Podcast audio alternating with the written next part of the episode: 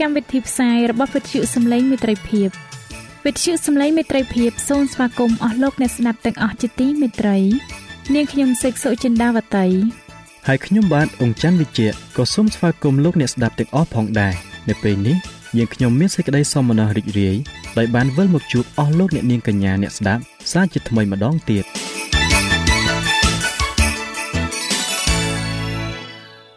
ចា៎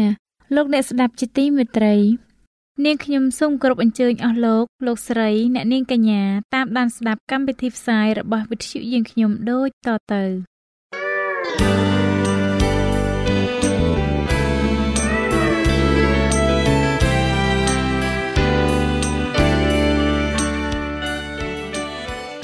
ព្រះបន្ទូលសម្រាប់អ្នកនៅថ្ងៃនេះ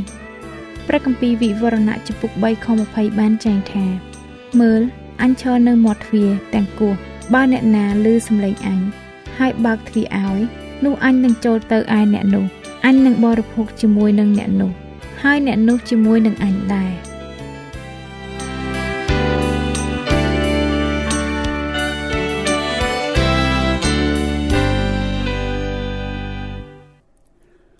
ជំរាបសួរអស់លោកអ្នកស្ដាប់នេតិសបាស្គូលប្រចាំសប្ដាហ៍ទាំងអស់គ្នាជាទីមេត្រីមេរៀនរបស់យើងសម្រាប់សប្តាហ៍នេះមានចំណងជើងថា ពួកសាសអ៊ីស្រាអែលនៅក្នុងស្រុកអេស៊ីបសម្រាប់លោកអ្នកដែលចង់បានមេរៀននេះប្រើនៅលើទូរស័ព្ទដៃ Android លោកអ្នកអាចទាញយកបាន តាមរយៈ Play Store ដោយវាយពាក្យថាខ្មែរសបាស្គូលអស់លោកអ្នកជាទីមេត្រីកាន់គម្ពីរលោកកបាត់បានបង្ហាញយើង អំពីឆ្នាំចុងក្រោយបង្អស់របស់លោកយ៉ាកុបនិងលោកយូសែបនៅក្នុងស្រុកអេស៊ីបដែលមានបរិយាយប្រាប់យើងនៅក្នុងគម្ពីរលោកុបាទចំពុក47 ទោះជាយ៉ាងនោះក្តីក៏យើងបានឃើញថាសេចក្តីសង្ឃឹមនៃទឹកដីសន្យា នៅតែជាផ្នែកដ៏សំខាន់មួយនៃសាច់រឿងផងដែរ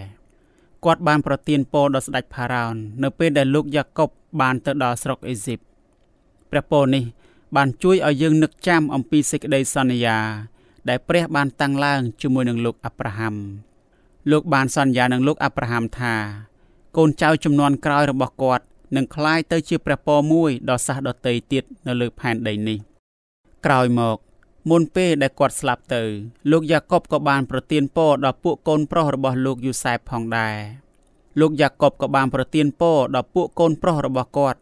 លោកយ៉ាកុបបានប្រាប់ពួកកូនប្រុសរបស់គាត់អំពីអ្វីដែលនឹងត្រូវកើតឡើងចំពោះក្រុមគ្រួសាររបស់ពួកគេនាពេលអនាគតពួកកូនចៅអ៊ីស្រាអែលបានរស់នៅក្នុងស្រុកអេស៊ីបក្នុងនាមជាសាសដតី នៅពេលដែលការគម្ពីរលោកុបាតបានបញ្ចប់ទៅ ពួកគេនៅតែបន្តស្នាក់នៅក្នុងស្រុកអេស៊ីបនោះតទៅទៀតប៉ុន្តែបណ្ដាំរបស់លោកយូសែបមុនពេលដែលគាត់ស្លាប់ បានបង្ហាញយើងអំពីទឹកដីសន្យាយ៉ាងដូចនេះថាខ្ញុំហៀបនឹងស្លាប់ហើយ តែព្រះទ្រង់នឹងប្រោសអ្នករាល់គ្នាជាមិនខាន ហើយនឹងនាំអ្នករាល់គ្នាឡើងចេញពីស្រុកអេស៊ីបនេះ ទៅក្នុងស្រុកដែលទ្រង់បានស្បត់ នឹងឲ្យដល់អាប់រ៉ាហាំអ៊ីសាកនិងយ៉ាកុបវិញសេចក្តីនេះមានចែងនៅក្នុងគម្ពីរលោកុបាទចំពុក50ខ24អស់លោកអ្នកជាទីមេត្រី នៅពេលដែលលោកយ៉ាកុបបានចាក់ចេញពីស្រុកកាណានមកគាត់បានពេញទៅដោយសេចក្តីសង្ឃឹមគាត់លែងស្រេកឃ្លានទៀតហើយ សំខាន់ជាងនេះទៅទៀតនោះគឺថាលោកយូសែបដែលជាកូនប្រុសរបស់គាត់នោះ នៅមានជីវិតនៅឡើយទេ ជាការពិតណាស់ ដំណឹងល្អនេះបានផ្ដល់កម្លាំងដល់លោកយ៉ាកុបក្នុងការចាក់ចេញពីទឹកដីសន្យារឿងនេះបានជួយឲ្យយើងនឹកចាំអំពីបទពិសោធន៍មួយរបស់លោកអាប់រ៉ាហាំ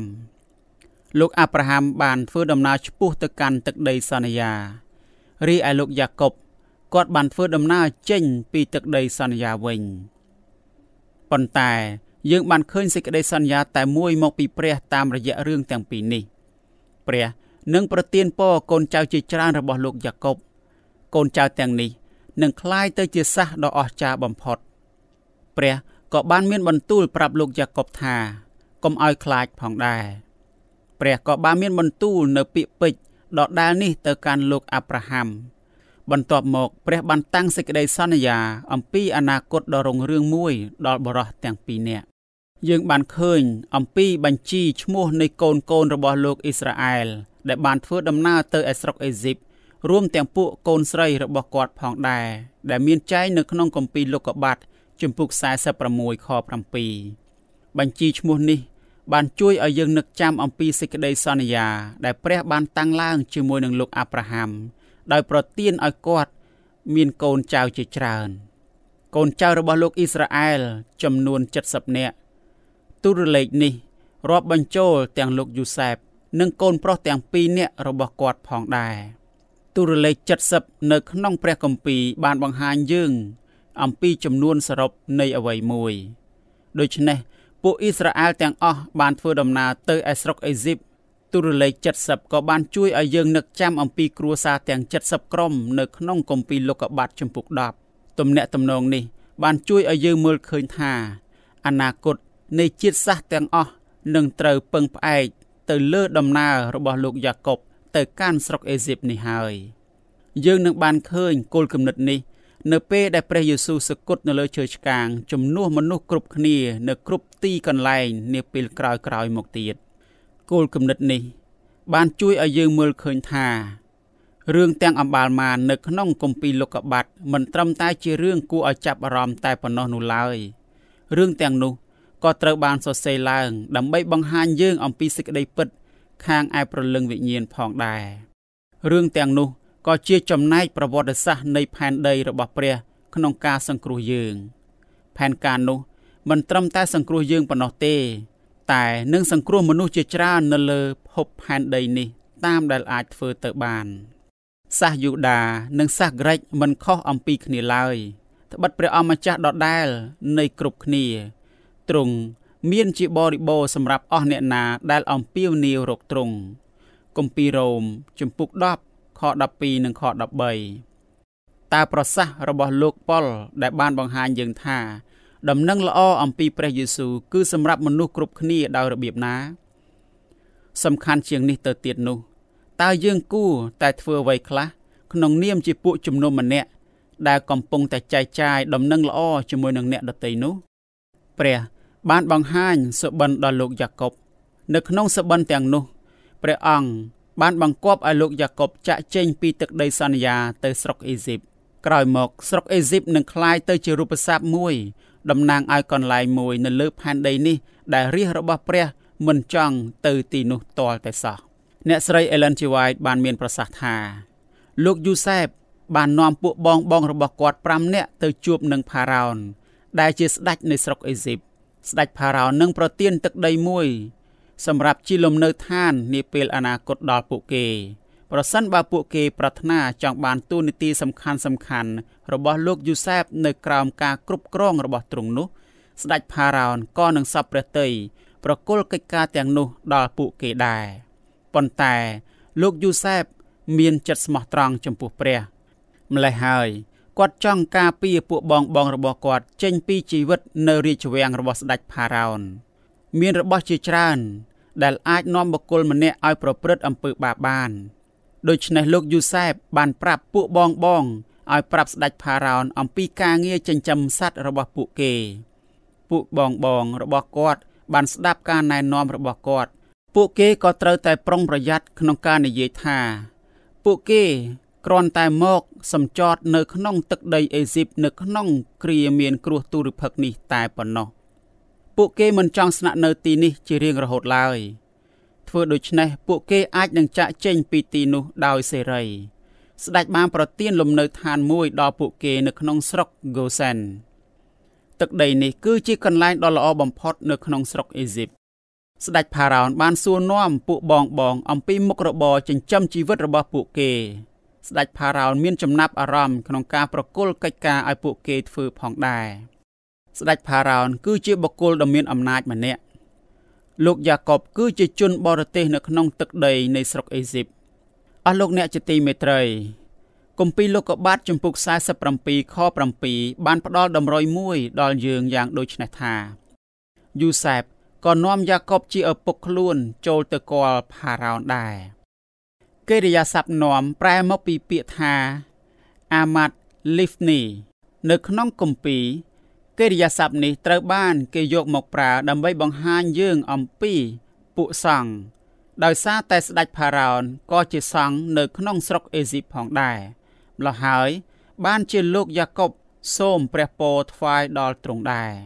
ក្នុងនាមជាសង្ឃរបស់ព្រះ លោកយ៉ាកុបមានឋានៈ ធំជាងពួកស្ដេចសង្ឃនៅស្រុកអេស៊ីបនិងធំជាងស្ដេចផារ៉ោនទ្រង់ផ្ទាល់ទៅទៀតមិនយូរប៉ុន្មានលោកយ៉ាកុបនឹងត្រូវស្លាប់ជាមិនខាន នៅពេលនោះគាត់បាននឹកចាំអំពីដំណើររបស់គាត់ទៅកាន់បេតអែលនៅទីនោះព្រះបានប្រទានសេចក្តីសន្យានៃស្រុកកាណានម្ដងទៀតទឹកដីនេះនឹងคล้ายទៅជាកម្មសិទ្ធិរបស់លោកយ៉ាកុបហើយនឹងពួកកូនចៅចំនួនក្រោយរបស់គាត់ជារៀងរហូត សេចក្តីសង្ឃឹមនៃទឹកដីសន្យា បានកំសាន្តចិត្តរបស់លោកយ៉ាកុបបន្ទាប់មក លោកបានឲ្យពរដល់កូនប្រុសទាំងពីរនាក់របស់លោកយូសែបលោកយ៉ាកុបបានឲ្យពរដល់តែចៅពីរនាក់ប៉ុណ្ណោះគឺលោកម៉ាណាសេមួយនិងលោកអេប្រាអឹមមួយព្រះពរនេះបានផ្លាស់ប្ដូរពួកគេពីចៅទៅជាកូនរបស់លោកយ៉ាកុបវិញ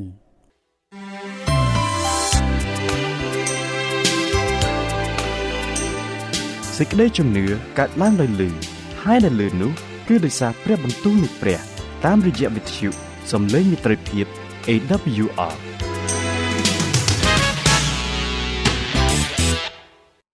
អស់លោកអ្នកជាទីមេត្រី លោកម៉ាណាសេ គឺជាកូនច្បង ហើយលោកអេប្រាអឹមគឺជាកូនប្អូន ព្រះពររបស់លោកយ៉ាកុបបានបង្ហាញថា កុលសម្ព័ន្ធរបស់លោកអេប្រាអឹមនឹងមានកម្លាំងខ្លាំងក្លាជាងកុលសម្ព័ន្ធរបស់លោកម៉ាណាសេទៅទៀតទន្ទឹមនឹងគ្នានេះ យើងបានឃើញថាព្រះពរនេះក៏ស្ដីអំពីលោកយូសែបផងដែរព្រះពរនេះបានបង្ហាញថា ព្រះបានរក្សាសេចក្តីសន្យារបស់ទ្រង់ដល់រាជរបស់ទ្រង់ទ្រង់បានការពារពួកគេកាលពីមុនមកទ្រង់ក៏នឹងបន្តការពារពួកគេនៅពេលអនាគតដែរ លោកយ៉ាកុបបានមានប្រសាសន៍អំពីព្រះនៃលោកអាប់រ៉ាហាំនិងលោកអេសាកព្រះបានប្រទានចំណីអាហារនិងការពារពួកគេ ព្រះដដែលនេះក៏បានសង្គ្រោះលោកយ៉ាកុបចេញពីបញ្ហាទាំងអស់របស់គាត់ដែរលោកយ៉ាកុបក៏បាននឹកចាំអំពីកាលដែលគាត់បានចម្បាប់ជាមួយនឹងព្រះនៃបេតអែលនៅពេលអាត្រៀតផង នៅទីនោះ ព្រះបានផ្លាស់ប្ដូរឈ្មោះរបស់លោកយ៉ាកុបទៅជាអ៊ីស្រាអែលវិញ បទពិសោធន៍ទាំងអស់នេះបានបង្ហាញយើងអំពីរបៀបដែលព្រះ បានកែប្រែសេចក្តីអាក្រក់ឲ្យទៅជាល្អវិញលោកយ៉ាកុបបានបង្ហាញសេចក្តីសង្ឃឹមរបស់គាត់ថា ព្រះនឹងរក្សាចៅចៅរបស់គាត់ដោយដែលទ្រង់បានថែរក្សាលោកយ៉ាកុបនិងលោកយូសែបកាលពីមុនមកយ៉ាងដូច្នោះដែរលោកយ៉ាកុបក៏បានគិតអំពីអនាគតនៅពេលដែលកូនចៅចំនួនក្រោយរបស់គាត់ត្រឡប់ទៅឯស្រុកកាណានវិញផងដែរ គោលគំនិតនេះ បានផ្ដល់សេចក្តីសង្ឃឹមដល់គាត់យើងមើលឃើញសេចក្តីសង្ឃឹមនេះ នៅពេលដែលលោកយ៉ាកុបបានមានប្រសាសន៍អំពីស៊ីកែមនៅក្នុងគម្ពីរលោកុបាទជំពូក48ខ22ស៊ីកែមគឺជាកន្លែងដ៏ល្អបំផុត នៅក្នុងប្រវត្តិសាស្ត្រនៃសាសអ៊ីស្រាអែលលោកយ៉ាកុបបានទិញដីមួយកន្លែងនេះធាតុរបស់លោកយូសែបក៏ត្រូវបាន គេបញ្ចុះនៅកន្លែងនេះផងដែរ ទឹកដីសន្យានឹងត្រូវបំបែកចេញនៅត្រង់ស៊ីកែមដើម្បីប្រគល់ឲ្យទៅកុលសម្ព័ន្ធទាំងអំបាលម៉ាននៃសាសអ៊ីស្រាអែលនៅដំណរក្រោយមកទៀតអស់លោកអ្នកទាំងអស់គ្នាលោកអ្នកអាចអានអំពីព្រះពរនៅក្នុងគម្ពីរលោកុបាទចំពុក49ខ1ដល់ខ28រួចសួរសំណួរនេះថាតើហេតុអ្វីបានជាលោកយ៉ាកុបឲ្យពរដល់កូនប្រុសរបស់គាត់យ៉ាងដូចនេះ តើព្រះពរទាំងនេះបានបង្ហាញយើងអំពីសេចក្តីពិតនៃព្រះគម្ពីរយ៉ាងដូចម្តេចដែរ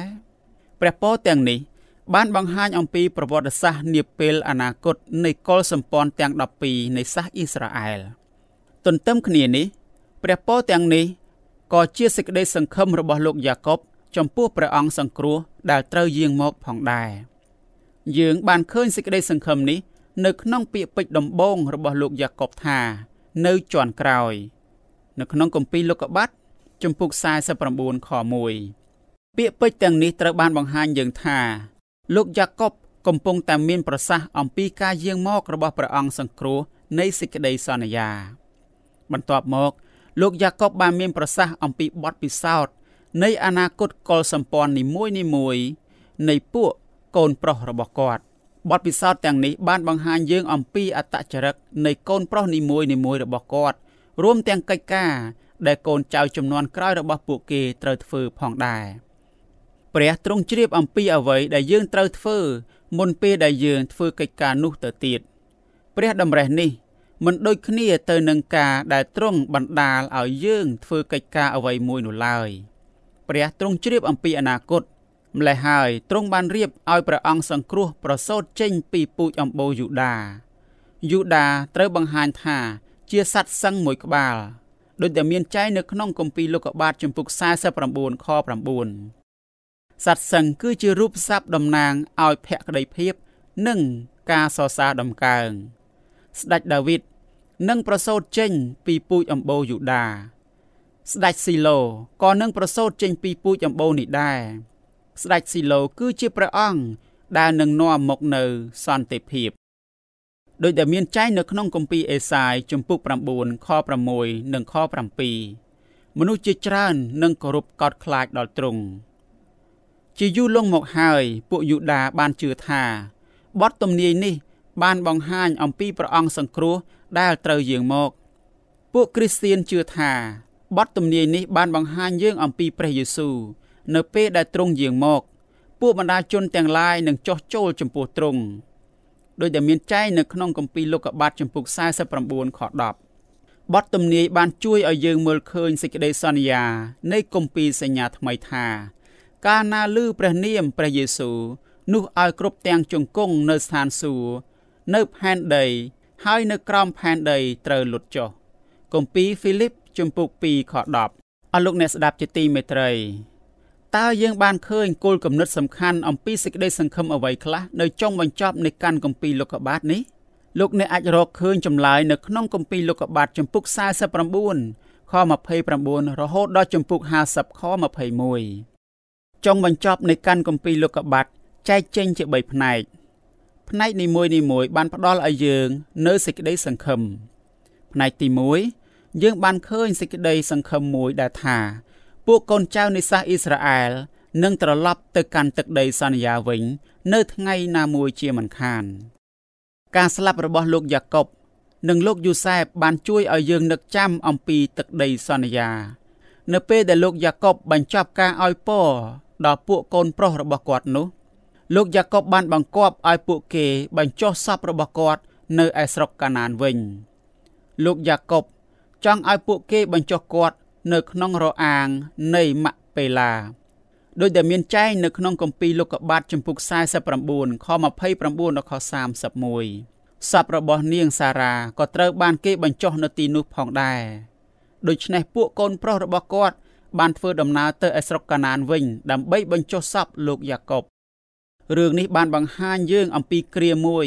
នៅពេលដែលសាសអ៊ីស្រាអែលត្រូវចាក់ចេញពីស្រុកអេស៊ីបជាច្រើនរយឆ្នាំក្រោយមកទៀត ផ្នែកទី2យើងបានឃើញសេចក្តីសង្ឃឹមមួយទៀតដែលថាព្រះនឹងកែប្រែសេចក្តីអាក្រក់ឲ្យទៅជាល្អវិញ បន្ទាប់ពីលោកយ៉ាកុបបានស្លាប់ រួចបានយកទៅបញ្ចុះបាត់ទៅ ពួកបងបងរបស់លោកយូសែបមានការព្រួយបារម្ភអំពីអនាគតរបស់ពួកគេជាខ្លាំងពួកគេបានភ័យព្រួយ ខ្លាចយូសែបសងសឹកនឹងពួកបងបងចំពោះកំហុសដែលពួកគេបានធ្វើមកលើគាត់កាលពីអតីតកាល ពួកបងបងបានចូលទៅឯលោកយូសែបពួកគេបានក្រាបថ្វាយបង្គំចំពោះគាត់ ពួកគេបានត្រៀមធ្វើជាអ្នកបម្រើរបស់គាត់ជាស្រេចការក្រាបថ្វាយបង្គំរបស់ពួកគេចំពោះលោកយូសែបបានជួយឲ្យយើងនឹកចាំអំពីសុបិនរបស់លោកយូសែបជាថ្មីម្ដងទៀតលោកយូសែបបានប្រាប់ពួកបងបងរបស់គាត់ថា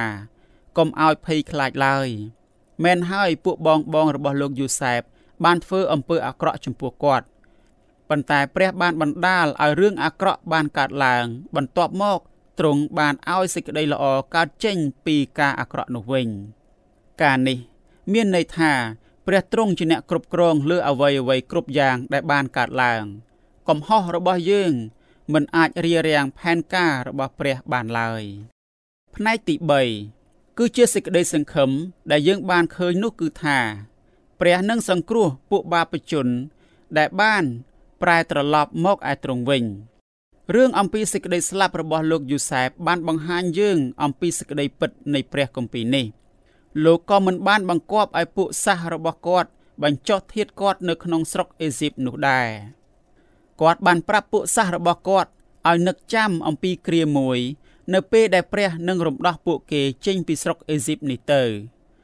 លោកយូសែបបានផ្ដាំថា ព្រះទ្រង់នឹងប្រោសអ្នករាល់គ្នាជាមិនខាន នោះអ្នករាល់គ្នាត្រូវយកឆ្អឹងខ្ញុំចេញពីនេះឡើងទៅជាមួយផង ដែលមានចែងនៅក្នុងគម្ពីរលោកុបាទចំពុក50ខ25ជាច្រើនរយឆ្នាំក្រោយមក ពួកសាសអ៊ីស្រាអែលបានរក្សាសេចក្តីសន្យារបស់ពួកគេជាមួយនឹងលោកយូសែបពួកគេបានយកធាតុរបស់គាត់ទៅកាន់ស្រុកកាណាន ស្រុកកាណាន គឺជារូបស័ព្ទមួយតំណាងឲ្យទីក្រុងយេរូសាឡឹមថ្មីនៅលើផែនដីនេះ ដែលជាសេចក្តីសង្ឃឹមដ៏ធំបំផុតរបស់យើងជីវិតរបស់លោកយូសែបបានបង្ហាញយើងអំពីព្រះជន្មរបស់ព្រះយេស៊ូវគ្រីស្ទពួកបងបងរបស់លោកយូសែបបានច្រណែនលោកយូសែបម្លេះហើយ ពួកគេបានលក់គាត់ឲ្យធ្វើជាទាសករពួកគេសង្ឃឹមថានឹងការពារកុំឲ្យលោកយូសែបបានធំជាងពួកគេទាំងអស់គ្នា នៅពេលដែលលោកយូសែបទៅឯស្រុកអេស៊ីបបាត់ទៅ ពួកគេនឹងមានអារម្មណ៍ថា ពួកគេលែងខ្វល់ខ្វាយអំពីសុបិនរបស់គាត់ទៀតហើយប៉ុន្តែព្រះទ្រង់គឺជាអ្នកគ្រប់គ្រងទ្រង់បានធ្វើឲ្យរឿងដែលពួកបងបងរបស់លោកយូសែបព្យាយាមរារាំងទាំងនោះ បានកើតឡើងមកវិញទន្ទឹមគ្នានេះ ពួកមេដឹកនាំសាសនាក៏បានច្រណែនដល់ព្រះយេស៊ូវយ៉ាងដូចនោះដែរ ពួកគេបានភ័យព្រួយខ្លាចព្រះយេស៊ូវនឹងទាញយកចំណាប់អារម្មណ៍របស់ពួកបណ្ដាជនចេញពីពួកគេទៅម្ល៉េះហើយពួកគេបានសម្លាប់ព្រះយេស៊ូវដើម្បីបញ្ចប់ទ្រង់ចេញពីក្រងរាជធ្វើជាស្ដេចប៉ុន្តែនៅទីបំផុតពួកគេបានធ្វើឲ្យរឿងដែលពួកគេមិនចង់បាននោះកើតឡើងទៅវិញ អ្នកស្រី Ellen G. White បានលើកឡើងថា នៅស្រុកអេស៊ីប លោកយូសែបបានคล้ายទៅជាអ្នកសង្គ្រោះគ្រួសារឪពុករបស់គាត់ទៅវិញដំណើរដ៏គួរឲ្យភ្ញាក់ផ្អើលនេះមិនបានដកហូតកំហុសនៃពួកបងបងរបស់គាត់នោះឡើយទន្ទឹមគ្នានេះពួកខ្មាំងសត្រូវរបស់ព្រះយេស៊ូវក៏បានសម្លាប់ព្រះយេស៊ូវយ៉ាងដូចនេះដែរប៉ុន្តែការសគត់របស់ព្រះយេស៊ូវបានធ្វើឲ្យទ្រង់คล้ายមកជាព្រះអង្គសង្គ្រោះនៃមនុស្សលោកទាំងអស់ផងដែរទ្រង់គឺជាស្ដេច នៃផែនដីទាំងមូលប៉ុន្តែសេចក្តីពិតនៃព្រះគម្ពីរនេះក៏មិនបានដកហូតកំហុសនៃអំពើឧក្រិដ្ឋកម្មរបស់ពួកគេនោះដែរអស់លោកអ្នកទាំងអស់គ្នាជាទីមេត្រីឥឡូវយើងឈានមកដល់ចុងបញ្ចប់នៃមេរៀនចុងក្រោយសម្រាប់ត្រីមាសនេះហើយតើលោកអ្នកយល់យ៉ាងណា អំពីអត្ថន័យនៃមេរៀនចុងក្រោយក៏ដូចជាមេរៀនមុនមុនកន្លងមកដែរយើងខ្ញុំទាំងអស់គ្នាសង្ឃឹមថា មេរៀនទាំងអស់ សម្រាប់ត្រីមាសនេះនឹងបានជាចំណែកក្នុងការចម្រើនសេចក្តីជំនឿផ្ដល់នូវកម្លាំងប្រាជ្ញា ដល់អស់លោកអ្នកទាំងអស់គ្នា ក្នុងការដើរនៅក្នុងសេចក្តីជំនឿនិងភាពស្មោះត្រង់ស្ដាប់បង្គាប់ដល់ព្រះនៃនគរឋានសួគ៌ជាចុងបញ្ចប់ខ្ញុំសូមលើកយកនៅខព្រះគម្ពីរដ៏សំខាន់មួយសម្រាប់មេរៀននៅសប្តាហ៍នេះនោះគឺគម្ពីរលោកុបាទចំពុក47ខ27ដែលបានចែងថា ឯពួកអ៊ីស្រាអែលគេនៅត្រង់កូសែន ក្នុងស្រុកអេស៊ីបហើយបានគេអាករនៅស្រុកនោះក៏បង្កើតកូនចម្រើនឡើងយ៉ាងសន្ធឹកអស់លោកអ្នកជាទីមេត្រីសូមឲ្យព្រះទ្រង់បានគង់នៅជាមួយនឹងប្រទានពរនិងផ្ដល់នូវក្តីសង្ឃឹមដល់អស់លោកអ្នកជានិច្ចយើងខ្ញុំនឹងវិលមកជួបអស់លោកអ្នកជាថ្មីម្ដងទៀតនៅមេរៀនថ្មីមួយទៀតសម្រាប់ត្រីមាសថ្មីនៅសប្តាហ៍ក្រោយ សូមអរគុណសូមជម្រាបលា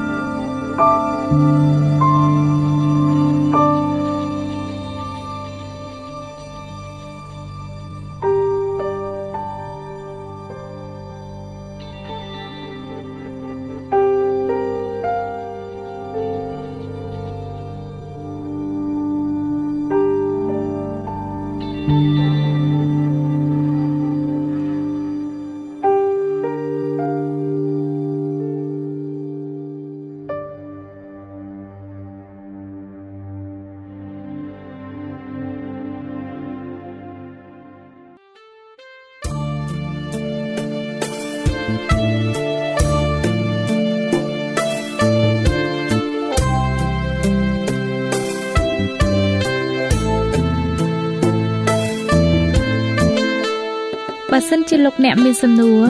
ឬសំណុំពរអ្វីសូមតាក់ទងមកការិយាល័យវិទ្យុយើងខ្ញុំ តាមអាស័យដ្ឋានផ្ទះលេខ15ផ្លូវលេខ568សង្កាត់បឹងកក់2ខណ្ឌទួលគោករាជធានីភ្នំពេញលោកអ្នកក៏អាចសរសេរសម្បត្តិផ្ញើមកយើងខ្ញុំ តាមរយៈប្រអប់សម្បត្តិលេខ488ភ្នំពេញឬតាមទូរស័ព្ទលេខ012 34 96 64ឬ097 80 81 060ឬក៏តាមរយៈអ៊ីមែល vol@awr.org យើងខ្ញុំរងចាំទទួលស្វាគមន៍អស់លោកអ្នកនាងដោយក្តីសោមនស្សរីករាយហើយលោកអ្នកក៏អាចស្ដាប់កម្មវិធីនេះឡើងវិញដោយចូលទៅកាន់ website របស់វិទ្យុយើងខ្ញុំ តាមរយៈអាស័យដ្ឋាន www.awr.org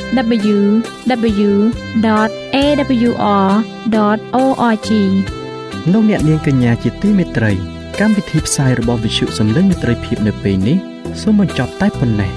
យើងខ្ញុំសូមអរគុណចំពោះការតាមដានស្ដាប់របស់អស់លោកអ្នកតាំងពីដើមរហូតដល់ចប់យើងខ្ញុំសូមជូនពរឲ្យអស់លោកអ្នកនាងកញ្ញាទាំងអស់បានចម្រើនឡើងក្នុងព្រះគុណព្រះអង្គម្ចាស់ ហើយក្នុងការទទួលយកព្រះយេស៊ូវគ្រីស្ទជាព្រះអង្គម្ចាស់និងជាព្រះអង្គសង្គ្រោះនៃយើងរាល់គ្នានាទីផ្សាយរបស់វិទ្យុយើងខ្ញុំនឹងវិលមកជួបអស់លោកអ្នកសាជាថ្មីម្ដងទៀតនៅថ្ងៃស្អែកវេលាម៉ោងដដែលនាងខ្ញុំសេកសុចិន្តាវតីនិងខ្ញុំបាទអ៊ំច័ន្ទវិជ្ជៈសូមអរគុណសូមជម្រាបលា